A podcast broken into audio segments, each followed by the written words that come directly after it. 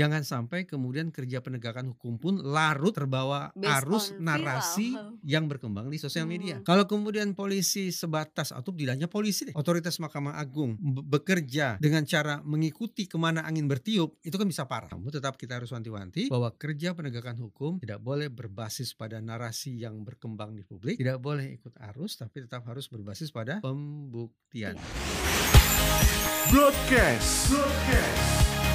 Bernas, luas, dan tuntas. Powered by Business Indonesia. Halo Sobat Bisnis, berjumpa kembali bersama saya Ririn Oktaviani di podcastnya Bisnis Indonesia. Dalam dunia hukum kita mengenal adanya dua delik. Delik biasa dan juga delik aduan. Namun baru-baru ini kita juga mengenal adanya delik viral. Sebuah perkara yang biasanya diungkap atau dilaporkan oleh suatu korban ke sosial media Sehingga menjadi pusat perbincangan oleh masyarakat. Bagaimana kemudian fenomena delik viral ini bisa muncul dan bagaimana respon dari penegak hukum? Kita akan membahasnya langsung bersama dengan Reza Indragiri, seorang kriminolog. Apa kabar Pak Reza? Alhamdulillah sehat. Sehat ya Pak? Pak ini kan kalau kita lihat dari belakang Sehat dan tetap beretika sehat dan tetap beretika. tanpa menunggu pengumuman KPU. Waduh, Karena sudah eh, hawa-hawanya sudah Udah. muncul ya Pak ya.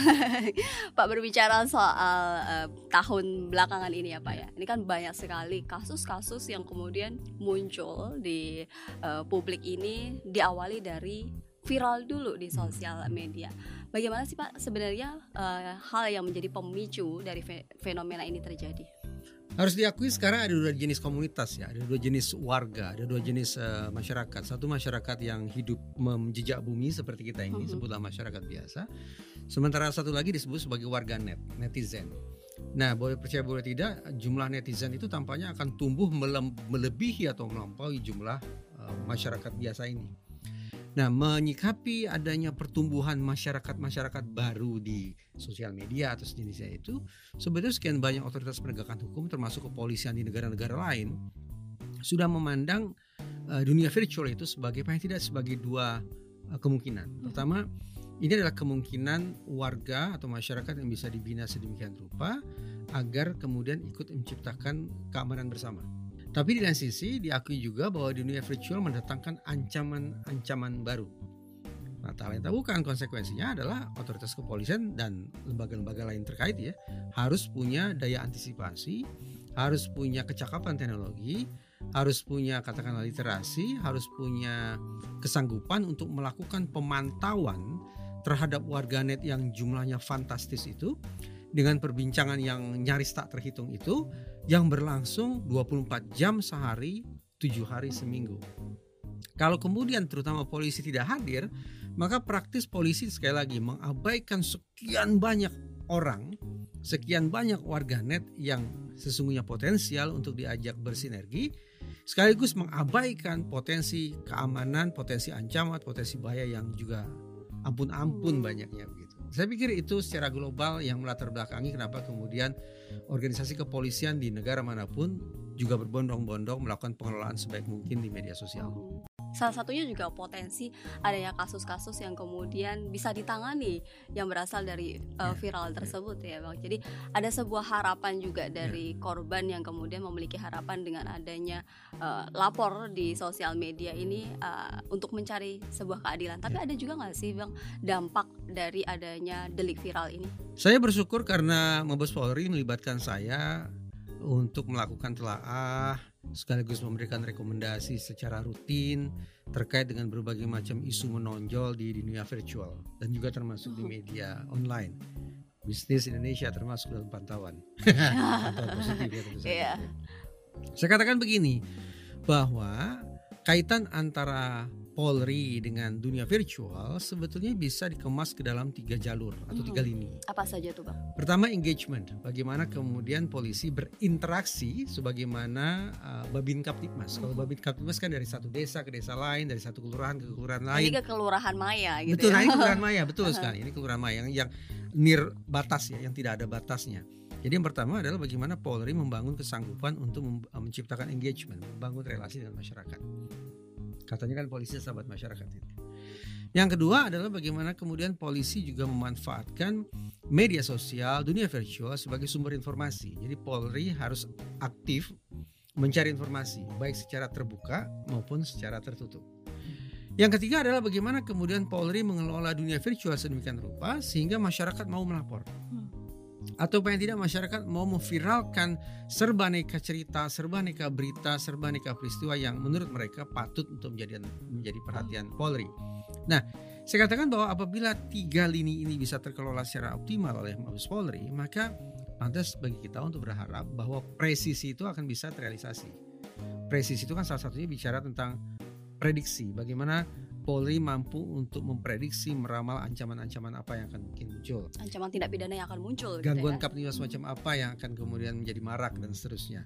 Sekaligus responsivitas apa daya kalau kemudian teropongannya bagus tapi kemudian responsivitasnya rendah kan juga tidak bagus ya tidak ada manfaatnya juga bagi masyarakat malah kesannya hanya menginteli masyarakat saja gitu nah sekali lagi kalau kemudian tiga lini tadi itu bisa termanfaatkan maka sungguh-sungguh kita pantas berharap bahwa situasi keamanan ketertiban semakin baik relasi masyarakat dengan Polri juga semakin hangat kepercayaan masyarakat terhadap Polri juga semakin tinggi semak, sebagaimana temuan survei belakangan ini gitu ya tetapi isu lain muncul begini.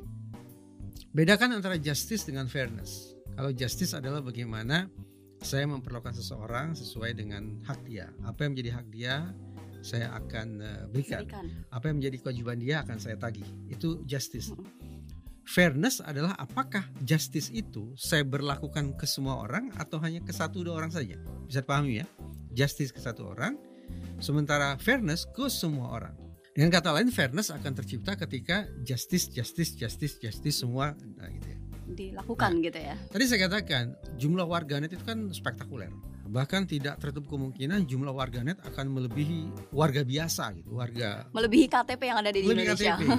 Nah, kalau kemudian fairness tidak tercipta, artinya Polri sangat responsif pada berita-berita yang viral, pada peristiwa-peristiwa yang mendapat perhatian dari warganet tapi Polri abai terhadap peristiwa-peristiwa serius namun tidak viral Mhm. dengan kata lain fairnessnya tidak terbangun maka saya khawatir cepat atau lambat masyarakat akan merasakan itu Mhm. bahwa masyarakat merasa, menilai ah, Polri ternyata hanya respon kalau sebuah peristiwa eh, menjadi viral tampaknya keseriusan Polri bukan pada seberapa jauh dampak peristiwa terhadap masyarakat tapi seberapa jauh dampak peristiwa terhadap harkat martabat dan kehormatan.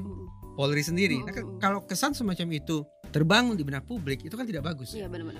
Berarti kesannya adalah betapapun Polri responsif terhadap berita-berita yang viral, Viral. tetapi kesan sekali lagi bukan demi kepentingan penegakan hukum itu sendiri, bukan demi adanya kepastian hukum, bukan demi kemanfaatannya bagi publik, tapi lebih pada untuk menjaga harkat martabat Polri yang sempat dianggap terlambat hadir Mhm. atau tidak hadir, diskriminatif, tebang pilih, fairness tidak terjaga dan seterusnya. Nah itu resiko yang saya pikir akan bisa uh, terjadi ketika sekali lagi fairness terhadap warganet yang jumlahnya banyak itu tidak bisa terrealisasi. Jadi yang menjadi catatan adalah selain tadi kemudian meningkatkan uh, respon terhadap apa yang kemudian terjadi di dunia maya, terlebih adalah kasus-kasus juga Ya.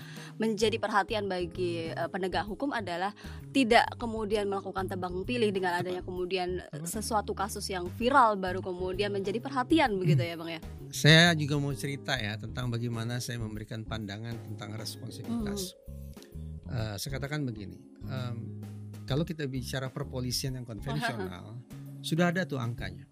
Misalnya polisi Jepang sejak menerima laporan, Laporan. langsung stopwatchnya nyala itu sampai kemudian petugas menjejakkan langkah hadir pertamanya di TKP. ha. itu berapa menit itu saya sudah pernah hidangkan angkanya 911 juga berapa kali dering telepon direspon oleh petugas. Apakah tiga kali atau keempat kali atau lima kali dan seterusnya. Hasil-hasil penelitian semacam itu sudah banyak. Yang ingin saya katakan adalah sekali lagi media sosial itu kan sesungguhnya mengiming-imingi kita terutama Polri kecepatan ya. Bagaimana masyarakat cepat melaporkan peristiwa dan semestinya secepat itu pula Polri meresponnya. Tapi kan juga jadi tantangan. Kalau ternyata berita yang viral itu banyak, bagaimana kemudian polisi bisa memastikan bahwa itu akan terespon secara cepat dengan kadar yang relatif setara? Dengan kata lain, isunya muncul. Oke, pengaduan masyarakat jadi banyak. Hmm. Anggaplah itu sebagai indikasi kepercayaan masyarakat. Tapi kalau kemudian Polri tidak bisa meresponnya secara cepat, maka saya khawatir dalam waktu tidak lama masyarakat akan jadi enggan Nah, melapor. Benak publik eh, menganggap bahwa Tidak ada gunanya juga. tidak, eh, Tidak ada ya, gunanya juga ya. lambat untuk merespon Betul. gitu ya. Kan nature-nya sosial media itu Mhm. cepat ya, instan cepat. Makanya kemudian jumlah karakternya terbatas, Mm-mm. Real time. Apa yang diketik saat ini itu pula yang akan muncul. Bahkan sering terjadi ketika kasus kemudian menjadi viral itu eh, berbeda waktu, katakanlah berbeda lima jam saja. Nanti bukti yang kemudian terupload itu sudah Contoh lah, ini banyak gitu berita AKBP Heeh. Akhirudin kan. Mhm. Laporan dari korban bulan apa? Tahun lalu kalau tidak salah, akhir ta- akhir tahun Akhir. lalu ya. Tapi berbulan berbulan berbulan-bulan seperti tidak ada tindak lanjut yang signifikan. Sampai kemudian tersebar berita penganiayaan, bahkan Betul. videonya, baru kemudian terkesan Polri langsung injak pedal gas dalam-dalam.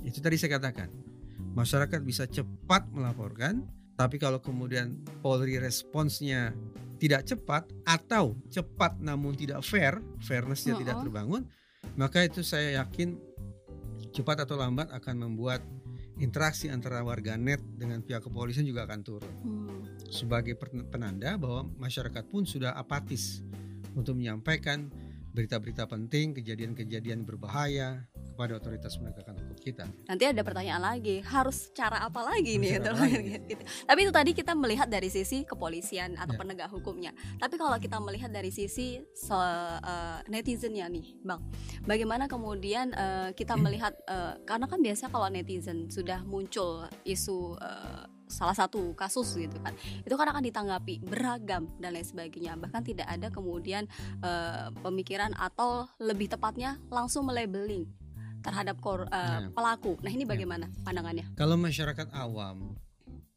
gampang memberikan stigma, gampang memberikan label, sebetulnya wajar. Kenapa?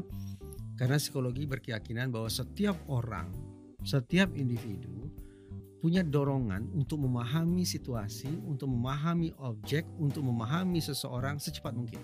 Karena dorongan psikologi secara alami adalah memahami secepat mungkin, maka di situlah resiko munculnya bias. Di situlah resiko munculnya stigma. Di situlah resiko munculnya labeling. Sekali lagi, kalau masyarakat awam seperti itu dinamika psikologisnya, saya pikir wajar. Mhm. Tetapi kalau kemudian kerja penegakan hukum juga seperti itu polanya, menurut saya itu ngawur. Makanya berulang kali saya katakan dalam kasus AKBP Akhirudin, dalam dugaan pelecehan seksual di Bekasi, atau dalam kasus-kasus lain yang diawali oleh viral, saya berulang kali mengajak kita semua untuk menyamakan persepsi bahwa Polri tidak punya jalan lain kecuali bekerja dengan prinsip pembuktian. Dengan kata lain, jangan sampai kemudian kerja penegakan hukum pun larut terbawa Based arus narasi viral. yang berkembang di sosial media. Kalau kemudian polisi sebatas atau tidak hanya polisi deh, otoritas Mahkamah Agung be- bekerja dengan cara mengikuti ke mana angin bertiup, itu kan bisa parah. Walaupun memang psikologi forensik menemukan ada istilahnya public opinion model. Lewat model ini, psikologi forensik ingin mengatakan bahwa kerja penegakan hukum itu memang tidak mungkin tutup mata terhadap opini publik. Iya benar. Toh polisi, jaksa, hakim, pengacara juga baca koran. Juga menyimak podcast Bisnis Indonesia. Juga baca narasi-narasi di sosial media. Jadi bagaimana mungkin mereka tidak terpengaruh oleh itu? Oke, masuk akal. Namun tetap kita harus wanti-wanti bahwa kerja penegakan hukum tidak boleh berbasis pada narasi yang berkembang di publik, tidak boleh ikut arus, tapi tetap harus berbasis pada pembuktian, Iya. By evidence. by evidence. Memang resikonya bisa tanda petik negatif. Mhm. Apa jadinya kalau pembuktiannya ke kanan, sementara narasi yang berkembang di media sosial ke kiri? Bisa jadi kerja penegakan hukum tidak akan populer di mata warganet. Tapi kita tentu paham, polisi, jaksa, hakim bekerja bukan untuk mencari popularitas, tapi untuk menegakkan Keadilan. tepat. Tapi ini ada yang menarik dari kasus-kasus yang kemudian beredar. Salah Ya. satunya adalah adanya plot twist. Apa itu? eh, apa yang kemudian Plot twist, disampaikan oke, ya. plot twist Iya, iya. apa yang kemudian disampaikan eh, di sosial media dengan kemudian tidak dilakukan penyaringan Ya. oleh netizen padahal akhirnya kemudian netizen yang dibohongin sendiri oleh apa yang kemudian dilaporkan bagaimana bang Tadi saya katakan, by nature media sosial itu mengharuskan kita untuk bertindak tanduk, Mm-mm. instan, spontan, mungkin juga impulsif, sedikit banyak mengabaikan rasionalitas dan mengesampingkan tanggung jawab. Karena jadi semua serba Mhm. instan kita lupa bahwa setiap perbuatan punya konsekuensi. Mm-mm. harus Setiap eh, lebih cepat gitu Iya. daripada gerakan tangan gitu ya bang impulsif kan berarti kan orang mengatakan yang sehat itu yang bertanggung jawab itu adalah think before do pikir dulu baru gerak. Nah tadi saya katakan by nature media sosial kebalikannya. Bisa jadi do before think. Ngetik dulu baru mikir. Itu sebabnya sampai-sampai peneliti BRIN pun bisa-bisanya peneliti loh ini ya peneliti BRIN pun peneliti pun akhirnya impulsif di media sosial. Kalau eh, sekali lagi nih saya harus tandaskan bahwa Oke, kita bisa pahami ada sisi kemanusiaan yang tampaknya sulit dielakkan. Media sosial mendorong kita untuk menjadi serba instan bahkan impulsif. Tapi kalau masyarakat seperti itu tanda petik masih bisa dimaklumi. Yang repot kalau kemudian kerja penegakan hukum ikut arus dengan gaya bertutur, gaya berperilaku serupa gitu. Walaupun bukan berarti saya membenarkan perilaku impulsif di media sosial ya. Tetap apa pun itu harus ada literasi berarti kecakapan dalam beraktivitas di media sosial sekaligus kesanggupan untuk bertanggung jawab di media sosial. Setelah kemudian kasus tersebut direspon oleh penegak hukum, Ya. tentunya akan melalui proses penyelidikan maupun penyidikan Ya. begitu kan. Bagaimana sih sejauh ini respon dari penegak hukum terhadap eh, penegakan dari kasus-kasus yang berawal dari delik viral ini? Sayang beribu sayang dalam laporan akhir tahun Polri eh, situasi semacam itu belum tergambar ya. Jadi kita paham bahwa setiap akhir tahun secara berkala kan Polri mengeluarkan Laporan akhir eh, tahun. laporan akhir tahun ya bisa jumlah laporan berapa, kemudian yang diproses yang tuntas berapa, jumlah personil yang ditindak berapa dan seterusnya. Tetapi khusus terkait dengan bagaimana perpolisian berbasis media sosial, sebutlah begitu, eh, potret tentang perpolisian berbasis media sosial menurut saya belum sungguh-sungguh disajikan kepada publik. Bahwa polisi bekerja mengelola media sosial, saya yakin iya, saya yakin betul ya. Tapi bagaimana kemudian eh, publik teredukasi tentang bagaimana lika-liku perpolisian berbasis media sosial menurut saya belum belum terlalu kentara lah ya. Eh, dengan kata lain, per detik ini yang ingin saya katakan bahwa eh, kepolisian memang lebih menaruh perhatian pada isu-isu yang menonjol, menonjol termasuk di media sosial. Eh, unsur fairnessnya tampaknya masih harus diperjuangkan untuk memastikan bahwa seluruh warga masyarakat, warga net akan mendapatkan perlakuan yang kurang lebih setara terkait dengan kebutuhan mereka akan keamanan dan ketertiban. Tapi bagaimana kemudian melihat dari pendampingan yang dilakukan oleh netizen terhadap kasus-kasus itu sepanjang kasus itu berjalan? Eh, Polri itu sudah punya unit khusus kan, Eh, cybercrime, unit cybercrime. Tadi tapi harus saya katakan sekali lagi bahwa media sosial dunia virtual bukan hanya untuk kepentingan penegakan hukum.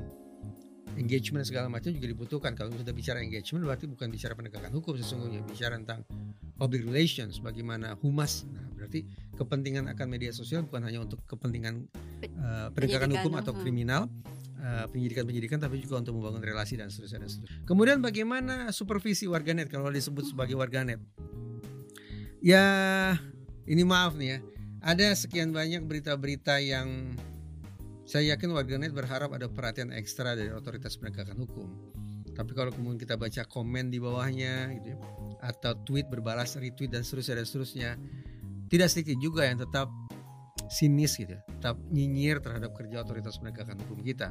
Ya harus kita pahami, kita juga tidak bisa membedakan ini warga net yang yang sungguh-sungguh keberadaannya bisa dipertanggungjawabkan atau akah eh, makhluk makhluk siluman jadi-jadian gitu tidak bisa bertanggungjawabkan. Tapi tadi saya katakan, paling tidak untuk saat ini sudah ada kesadaran Polri harus mengelola media sosial sebagai sumber informasi yang sangat berharga. Tetapi pengelolaan ke depannya saya pikir perlu ada semacam cetak biru sehingga lini kerja perpolisian saya katakan di bagian awal obrolan kita tadi itu bisa terkelola secara lebih maksimal sehingga janji Kapolri tentang prediksi berarti secepat mungkin mengantisipasi eh, potensi gangguan Kaptimas dan responsivitas kecepatan dalam mengatasi itu akan bisa terrealisasi. respon dari presisi tentunya ya. Tapi bagaimana kemudian merespon eh, kembali dengan adanya delik viral ini dan juga uh, tuntutan publik untuk kecepatan terhadap penanganan kasus? Apakah perlu untuk kemudian delik-delik viral yang terjadi ini tetap dilanjutkan atau kemudian ada pengaturan khusus? Saya yakin bahwa delik viral kalau kita sebut demikian harus dilanjutkan. Um, untuk memastikan bahwa keterbatasan masyarakat dari sisi jarak geografis, kemudian tidak responnya nomor-nomor telepon darurat pernah coba telepon 112? Belum pernah. Saya beberapa kali coba telepon 112 Hmm. dan beberapa kali tidak direspon. Hmm. Padahal nomor telepon langsung ke polisi. Yang ingin saya katakan, ternyata ke kantor polisi tidak mudah ya. Jaraknya mungkin tidak terlalu dekat. Nomor telepon yang disediakan 112 juga tempo-tempo tidak responsif. Lantas apalagi cara kita menyampaikan keluh kesah? Di mana lagi kita bisa menemukan jalan untuk mencari keamanan? Ya, memang akhirnya berinteraksi lewat media sosial. Dengan kata lain, kembali ke pokok persoalan, delik viral menurut saya sudah sepatutnya dan memang sudah seharusnya dilanjutkan. Tinggal lagi bagaimana Polri sendiri terus-menerus menyemangati masyarakat agar jangan pernah sungkan-sungkan, jangan pernah ragu-ragu melaporkan setiap kejadian yang perlu mendapat atensi Polri. Sekaligus secara internal, Polri terus-menerus harus menyiapkan sarana, prasarana, dan sumber daya manusianya agar siap untuk mempraktekkan perpolisian berbasis media sosial. Di Contoh nih, contoh. Hmm. Babin Kaptipmas. Ini nggak segala hormat ya. Saya hormat betul pada personil Babin Kaptipmas. Walaupun tempo-tempo saya melihat sepertinya personil Babin Kaptipmas ini sudah mendekati usia pensiun ya. Usianya sudah lanjut ya. Saya bertanya-tanya loh, apakah mereka ini akrab ya dengan media sosial? Apakah mereka akrab ya untuk bercengkrama dengan gaya-gaya milenial yang diekspresikan lewat dunia virtual? Kalau tidak, ya patut disayangkan. Karena menurut saya, personil Babit Kaptimas itu harus punya kecakapan komunikasi yang multidimensional. Tidak hanya kecakapan, kecakapan komunikasi menyambangi dari satu rumah ke rumah lain, tapi juga kecakapan berselancar di dunia virtual. Nah, kecakapan semacam itu saya tidak begitu yakin akan bisa terbangun, apalagi dalam waktu cepat terhadap para personil yang relatif sudah mendekati usia purna tugas. Betapapun sekali lagi saya tetap menaruh respek besar terhadap para personil Babit Kaptimas. Apalagi mereka yang sudah mendekati usia pensiun. Sudah berjuang lama begitu ya untuk melakukan kerja-kerja dari eh, pendekatan kepada masyarakat. Berbicara soal pendekatan dengan masyarakat tadi, eh, kasus-kasus ini kan kemudian juga eh, viral di sosial media itu kan banyak dan banyak beragam eh, jenis eh, tindak pidananya begitu kan. Jika kita melihat dari bagaimana kemudian eh, penegak hukum ini bertindak juga tidak hanya merespon kasusnya, tapi juga sebagai eh, bagian dari untuk melindungi atau sebagai pencegahan terhadap tindak pidana. Bagaimana kemudian dengan kasus-kasus yang kemudian eh, di sosial media itu dibuka secara lebar, bagaimana kemudian takutnya ada sesuatu hal yang kemudian di copy oleh seseorang untuk kemudian melakukan tindak pidana lainnya gitu. teringat oleh saya perbincangan tentang regenerasi teror. Ini ilustrasi yang konkret ya. Eh, dulu kita selalu bicara misalnya nih menurut saya ini pandangan sesat ada pengumpulan sidik ibu jari. Mhm, Sidik jari. sidik jari. Apalagi melakukan pemantauan di masjid-masjid. Menurut saya kuno dan salah kaprah gitu. Hari ini kita tidak lagi bisa pakai pendekatan semacam itu. Kenapa? Karena saya yakin betul bahwa regenerasi teror hari ini bekerja lewat dua mekanisme. Yang pertama istilahnya adalah self radicalization bagaimana setiap orang akhirnya bisa meradikalkan isi kepalanya sendiri dengan berbagai macam ideologi dan ketika mereka sudah mencuci otak mereka sendiri masuk ke fase kedua sekaligus fase terakhir yaitu self recruitment. Bagaimana orang yang sudah mencuci otaknya itu kemudian membangun sebuah tekad, membangun sebuah komitmen, mengangkat sumpah akan melakukan apa pun lah sebutannya, perjuangan kah, pergerakan atau segala macam.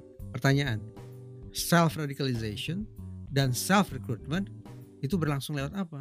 Men- menurut saya berlangsung lewat dunia virtual. Mhm. Nah, self radicalization dan self recruitment macam itu yang memanfaatkan Dunia maya. gawai Mhm. itu yang memanfaatkan dunia maya itu jelas menuntut kehadiran polisi. Mhm. Tidak hanya polisi sesungguhnya, Kementerian eh, Informatika juga barangkali punya peran di situ.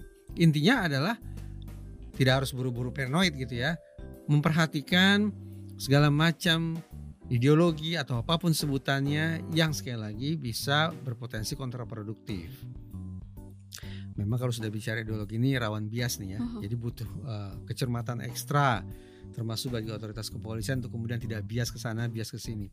Saya pribadi terus terang saat ini sedang tertarik tentang diskusi uh, mengenai politik identitas. Hmm, hmm. Masuk akal juga bahwa setiap berpolitik setiap orang harus punya identitas ya gitu. Oke, kembali ke pokok persoalannya ya. Tapi yang saya katakan sebenarnya terkait dengan hal yang barusan politik identitas adalah bagaimana kita tidak berpikir bias secara semena-mena mengunci kelompok tertentu, mengunci ideologi tertentu sebagai ini pasti berbahaya. Itu kan bias ya.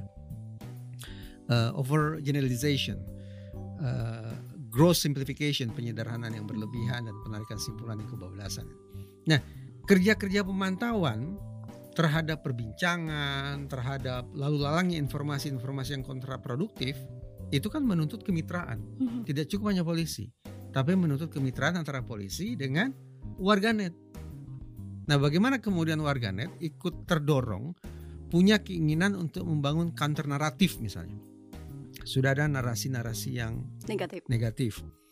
Bagaimana kemudian warganet juga punya keterpanggilan, juga punya ketertarikan untuk membangun counter naratif tentang itu. Meluruskan Meluruskan informasi itu. yang salah Atau kalau paling tidak menyediakan naratif yang lain lah, alternatif gitu. Jadi ter- terjadi semacam dialektika juga di media sosial. Nah, saya membayangkan bahwa kita semakin lama semakin cerdas ya. Warganet saya yakin semakin lama semakin pintar. Melihat adanya naratif versus counter naratif, dialektika semacam itu, maka upaya pencegahan sadar tidak sadar, sengaja tidak sengaja justru dilakukan oleh warganet sendiri. Tanpa harus tergantung pada otoritas penegakan hukum. Bukan berarti kemudian otoritas penegakan hukum ongkang-ongkang kaki tidak begitu artinya, tetapi yang saya, yang saya katakan di dunia maya yang amat sangat luas bahkan kesan yang nirbatas semacam itu dengan jumlah warganet yang juga sangat fantastis itu memang proaktif masyarakat harus punya peran yang lebih cerdas, lebih bijak, lebih bertanggung jawab. Tentunya tadi harus kemudian lebih cerdas dan juga eh, semakin pintar untuk dapat kemudian bersosial media dan tentunya juga kemudian penegak hukum harus tetap Hmm. lebih responsif untuk merespon hal-hal yang kemudian eh, khususnya adalah eh, kasus-kasus yang ditimbulkan dari viral tersebut ya, Ya. Ya. Nah sadar tidak sadar kan eh, kita akhirnya sudah mengenal kosakata baru, bahkan mungkin pekerjaan baru, periuknasi baru yaitu buzzer rupiah kan, buzzer rupiah. Ini kan apa? Serdadu bayaran kan, serdadu bayaran tetapi eh, ibarat eh, tentara bayaran lah. Mereka bergerak bukan berdasarkan visi tertentu, bukan berdasarkan idealisme tertentu, tapi semata-mata berdasarkan eh, berapa rupiah yang mereka dapat. Nah saya pikir ini juga potensial menjadi faktor pengganggu. Tapi Bang eh, tidak Ya. memungkiri ini beberapa kasus kemudian eh, muncul di sosial media itu kemudian juga terdistrupsi dengan adanya buzzer. Ya. Bagaimana? Saya tidak akan semena-mena mengatakan seluruh buzzer itu buruk tidak. Mhm. Tadi saya katakan kalau salah satu lini yang harus dikelola dengan baik oleh Polri adalah bagaimana mendiseminasi informasi satu arah nih dari Mabes Polri ke masyarakat tentu eh, berisikan pesan-pesan yang produktif ya pesan-pesan yang konstruktif.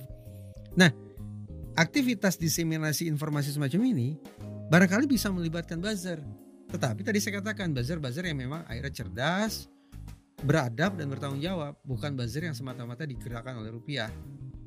Tapi sebaliknya, kalau kemudian mendominasi percakapan di media sosial adalah buzzer-buzzer yang tidak bertanggung jawab semacam itu, maka kita khawatir bahwa akan terjadi situasi yang tidak stabil, destabilisasinya justru berlangsung di media sosial sadar tidak sadar, sengaja tidak sengaja, terorganisasi maupun tidak oleh para buzzer tersebut. Oke, terima kasih sekali Bang eh, Reza atas pemaparan dari delik viral yang telah kita obrolkan tadi. Semoga juga bermanfaat dan juga menjadi pencerahan bagi eh, warga Indonesia. Dan sobat bisnis, delik viral maupun beragam ekspresi yang dilakukan oleh masyarakat seyogyanya dapat direspon sebagai untuk perbaikan kinerja dari penegak hukum dan tentunya kita harus memberikan atau menegakkan hukum yang seadil-adilnya. Demikian podcast bisnis kali ini. Sampai jumpa pada episode berikutnya.